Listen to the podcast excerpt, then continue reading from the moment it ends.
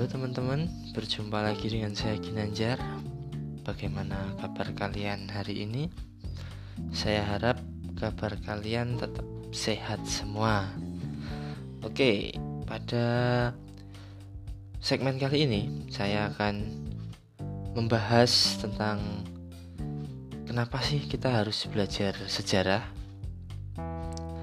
Yang sebelumnya pada segmen sebelumnya saya sudah menyampaikan bahwa uh, kenapa Geotalk featuring Historia kenapa sih geografi mempelajari sejarah dalam waktu yang bersamaan?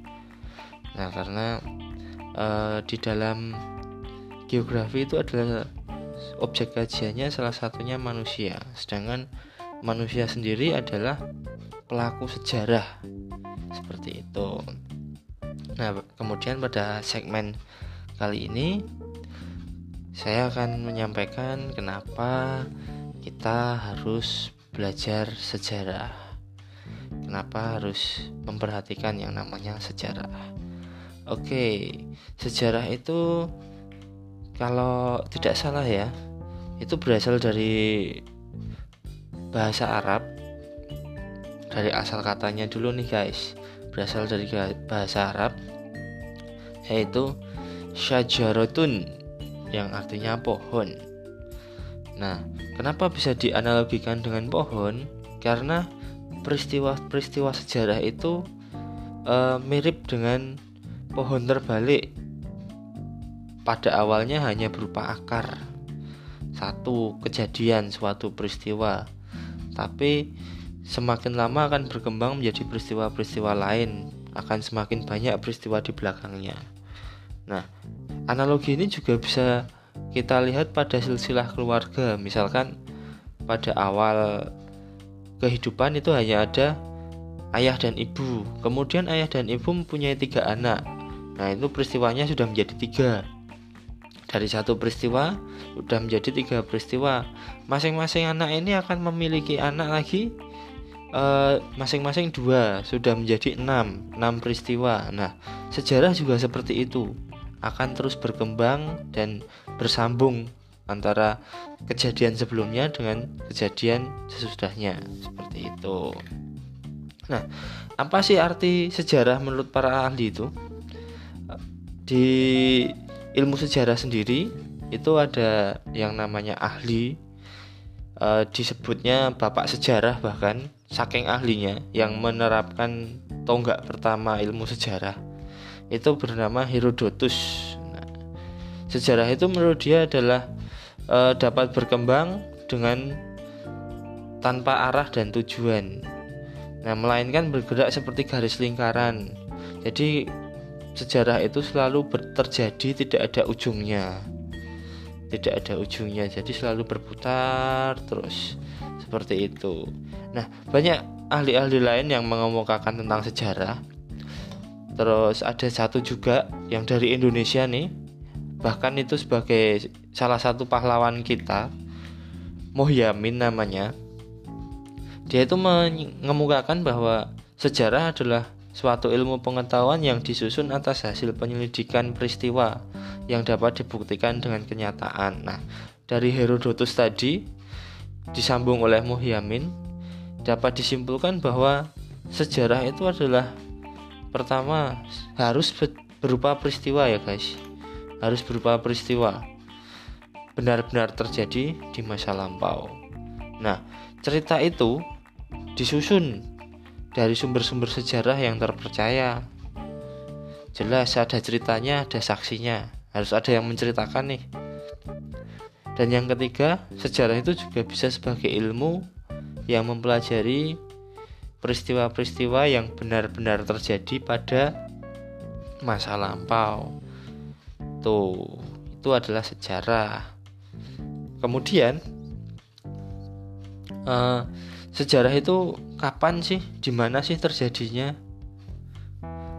Uh, sejarah itu terjadi ya di, di semua tempat, bisa terjadi di semua tempat. Terjadinya kapan saja. Karena di sini ada konsep ruang dan waktu dalam sejarah bisa disebut dengan sejarah itu kalau punya tiga unsur tiga unsur yang sangat berperan sekali. Yang pertama adalah unsur manusia. Unsur manusia itu bisa menjadi sejarah karena ada manusia yang sebagai saksinya. Ada saksinya, ada pelakunya, ada saksinya. Mana mungkin bisa menjadi sejarah kalau tidak ada yang melihat, tidak ada saksinya. Ada kejadian eh, di hutan ada pembunuhan, tapi kalau tidak ada saksi yang melihat, tidak ada pelakunya, mana mungkin menjadi sejarah seperti itu. Kemudian uh, unsur yang kedua juga ada ruang. Ruang ini adalah tempat di mana terjadinya kejadian sejarah. Kalau tidak ada tempatnya ya sama aja, bukan sejarah ini. Jadi eh, penting ya, ada manusia, ada ruang, dan yang terakhir ada waktu kejadiannya. Nah, berdasarkan waktu ini kejadian sejarah itu unik. Jadi yang namanya peristiwa sejarah itu tidak mungkin terulang kedua kalinya dan itu sama persis itu tidak mungkin. Jadi ini bisa dikatakan sejarah itu unik ya. Tidak dapat terulang dan setiap kejadiannya itu pasti memiliki ciri khas tersendiri, keunikan tersendiri. Seperti itu. Nah, saya ambil contoh nih. Saya contohkan. E, ada sebuah cerita yang mengatakan bahwa perang di Ponorogo itu terjadi tahun 1825 di Yogyakarta ya. Nah, coba dicari unsur manusia, unsur ruang dan unsur waktunya. Nah, kalau dilihat dari cerita seperti itu tadi kan jelas manusia utamanya, pelaku utamanya adalah Pangeran Diponegoro. Dan yang kedua, unsur ruangnya terjadi di Yogyakarta pada tahun 1825. Tuh. Itu adalah contoh sederhana saja sebuah peristiwa sejarah yang uh, bisa memuat tiga unsur sekaligus seperti itu. Nah, uh, dalam konsep waktu ini dan ruang dalam sejarah juga dipelajari yang namanya kronologi dan sinkronis. Nah, apa sih itu kronologi dan sinkronis? Kalau dilihat dari tadi keunikan dalam peristiwa sejarah, sejarah itu hanya terjadi satu kali. Nah, kalau kita membicarakan masalah kronologi, kita kaitkan dengan masalah waktu ini, waktu terjadinya. Kronologi itu adalah suatu urutan kejadian nih, urutan kejadian dari kejadian A, B, C, D, E, F, G itu ber, berurutan, berurut-urutan. Nah, kalau dilihat dari asal katanya, kronologi itu berasal dari kata kronos, bahasa Yunani itu. Nah, kalau or, ada orang bercerita tidak sesuai urutan waktu, itu namanya anakronis. Nah, sedangkan kisah atau catatan sejarah yang diceritakan berdasarkan urutan waktu itu dinamakan kronik. Kroniknya, ceritanya itu kronik ilmunya kronologi. Kalau tidak sesuai waktu namanya anakronis. Nah itulah. Bisa dihafal ya.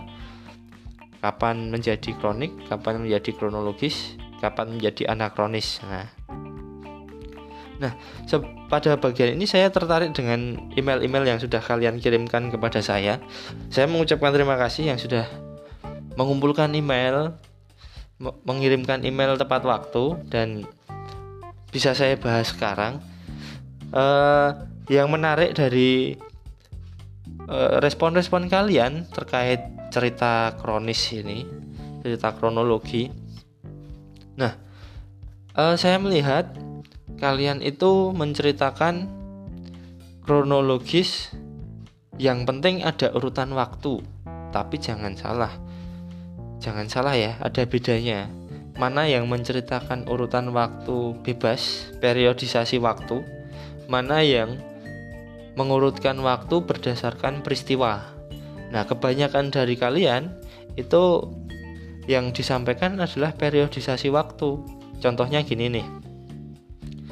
Saya lahir pada 30 Maret tahun 2000. Kemudian saya masuk SD pada tanggal 1 Juli tahun 2006.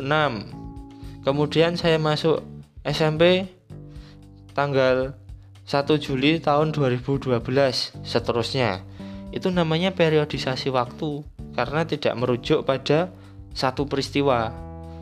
Sedangkan yang menarik ini, ada yang sudah benar sih, ada yang sudah benar merujuk pada suatu peristiwa. Misalkan gini, saya berlibur ke Bali. Saya berlibur ke Bali. Waktunya saya berangkat tanggal 11 Desember pukul 10 pagi menggunakan pesawat. Kemudian tanggal 11 sore saya sudah sampai Bali. Kemudian saya check in di hotel apa gitu. Nah, saya istirahat satu malam. Pada tanggal 12, nah itu kan ada waktu tanggal 11, tanggal 12 saya mengunjungi Bedugul. Tanggal 13 saya mengunjungi Kute. Tanggal 14 saya mengunjungi Garusda Wisnu Kencana. Tanggal 15 saya sudah pulang kembali ke Yogyakarta. Nah, itu ada urutan waktu tapi merujuk pada satu peristiwa berlibur ke Bali. Nah, yang dinamakan kronologi itu seperti itu. Jadi bisa dibedakan ya yang namanya kronologi dan yang namanya periodisasi waktu itu berbeda itu berbeda nah seperti itu yang namanya kronologis jadi yang dinamakan kronologis itu adalah analisis kehidupan mempelajari kehidupan dikaitkan dengan dimensi waktu nah biasanya nih biasanya itu ada unsur sebab akibatnya kausalitas sebab akibat dan terus bergerak. Ada suatu kejadian A menyebabkan kejadian B seperti itu. Dan terus bersambung, tidak terputus itu. Dan yang kedua, uh, ada yang namanya konsep sinkronis. Nah, kalau tadi berdasarkan waktu, yang sekarang berdasarkan ruang. Berdasarkan ruang. Bagaimana sih itu? Ya, kita menganalisis sejarah dalam konsep ruang, konsep tempat. Misal uh, di Yogyakarta terjadi perang di Ponorogo. Nah, yang perlu dipelajari adalah ruang Yogyakarta ini dalam satu waktu yang sama, misalkan tahun 1825, terjadi peristiwa apa saja. Di Ponorogo berperang di Gua Selarong. Di Ponorogo pergi ke Sentolo, perbatasan Kulon Progo dengan Bantul untuk berperang di jembatan Bantar itu ada ada ceritanya dan yang diambil pokoknya adalah kota Yogyakartanya berperang di kota Yogyakarta kalau berdasarkan periodisasi waktu itu di Ponorogo jam 10 berperang di Gua Selarong jam 9 malam berperang di Gua di jembatan Bantar sorry seperti itu Nah, jadi ini lebih kompleks ya kalau disinkronis berdasarkan ruang. Nah, dalam kajian sinkronis ini banyak dipakai oleh para peneliti bahkan bukan cuma sejarah aja tapi digunakan di sosiologi, arkeologi, geografi juga geografi juga mempelajari. Nah, seperti itu. Oke, itu adalah sekilas tentang sejarah yang kita pelajari dalam sejarah. Kemudian eh, apa sih manfaat kita belajar sejarah? Kenapa sih kita harus belajar sejarah? Nah, untuk mempelajari lebih jauh tentang suatu peristiwa, memang kita perlu mempelajari sejarah. Nah, kalau kita belajar sejarah tadi ada konsep kronologis berarti ada kesadaran waktu ya saya harapkan kalian memiliki kesadaran waktu bisa mengurutkan waktu. Kemudian unsur kedua tadi kan ada tokoh-tokoh, ada manusianya, ada yang berperan. Harapan saya kalian bisa mengambil peran teladan dari para tokoh tersebut. Dan yang ketiga, selain bisa mengambil peran, kalian juga memberikan pelajaran bagi orang lain terhadap apa yang kalian pelajari.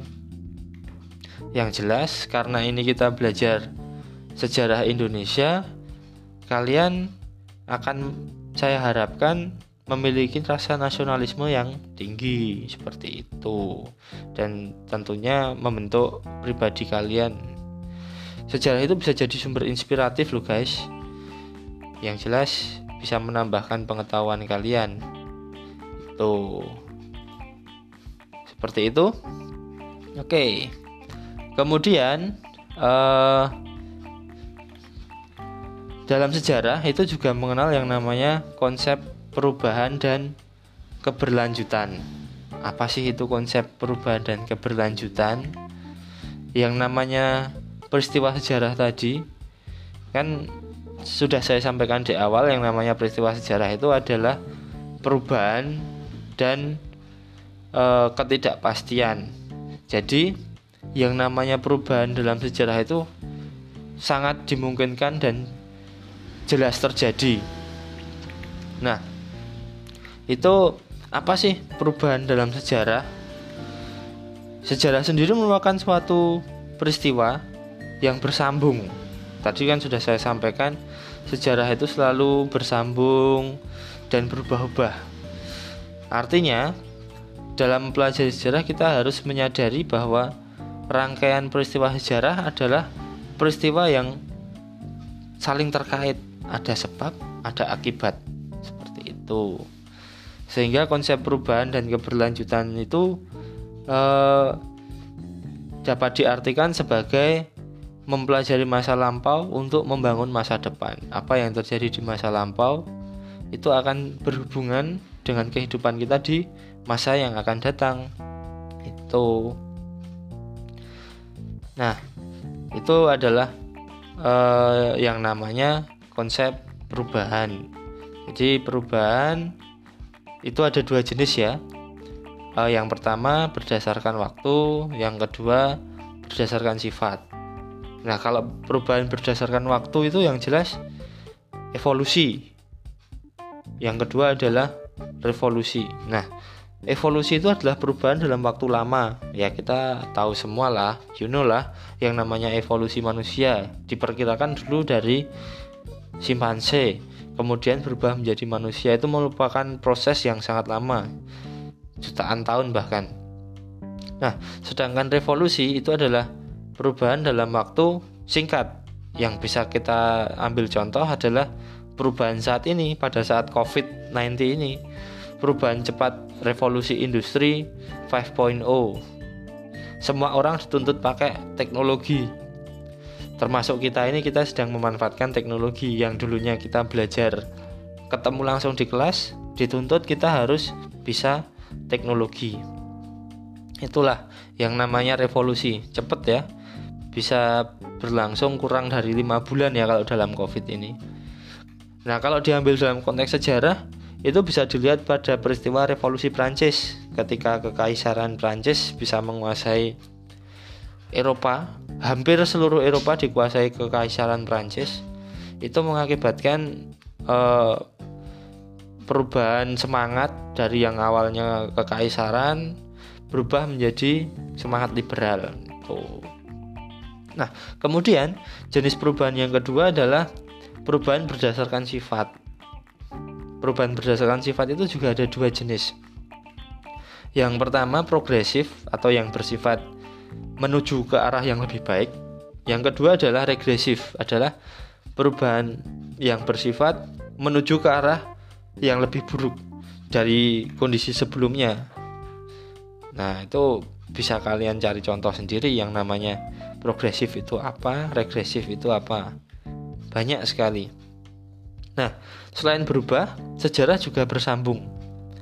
Suatu peristiwa sejarah itu selain berubah-ubah tapi juga bisa bersambung, berkesinambungan. Tadi sudah saya sampaikan satu peristiwa sejarah berhubungan dengan peristiwa-peristiwa di belakangnya.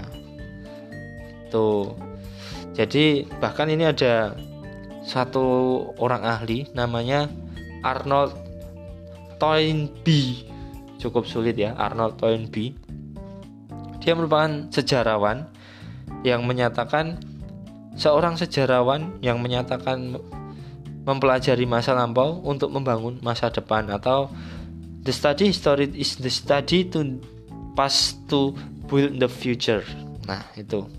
Jadi uh, apa yang terjadi di masa lalu itu untuk membangun atau memperbaiki kondisi di masa yang akan datang. Oke. Okay.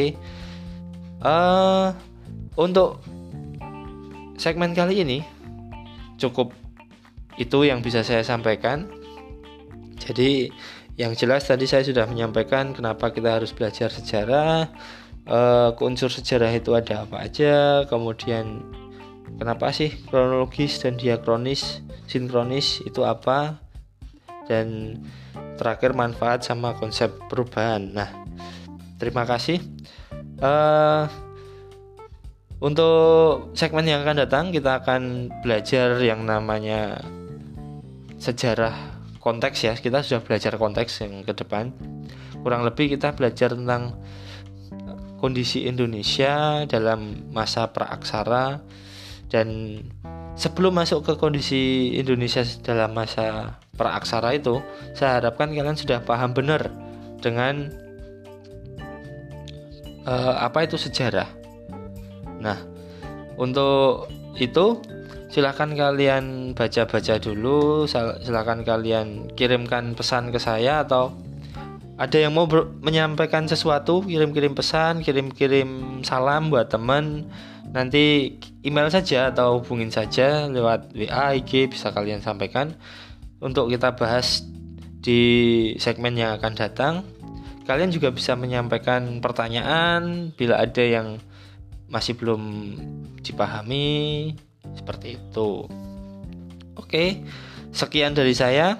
Uh, selamat beraktivitas, selamat belajar. Nah, untuk itu uh, semoga kegiatan kalian dilancarkan dan selalu diberkati oleh Tuhan.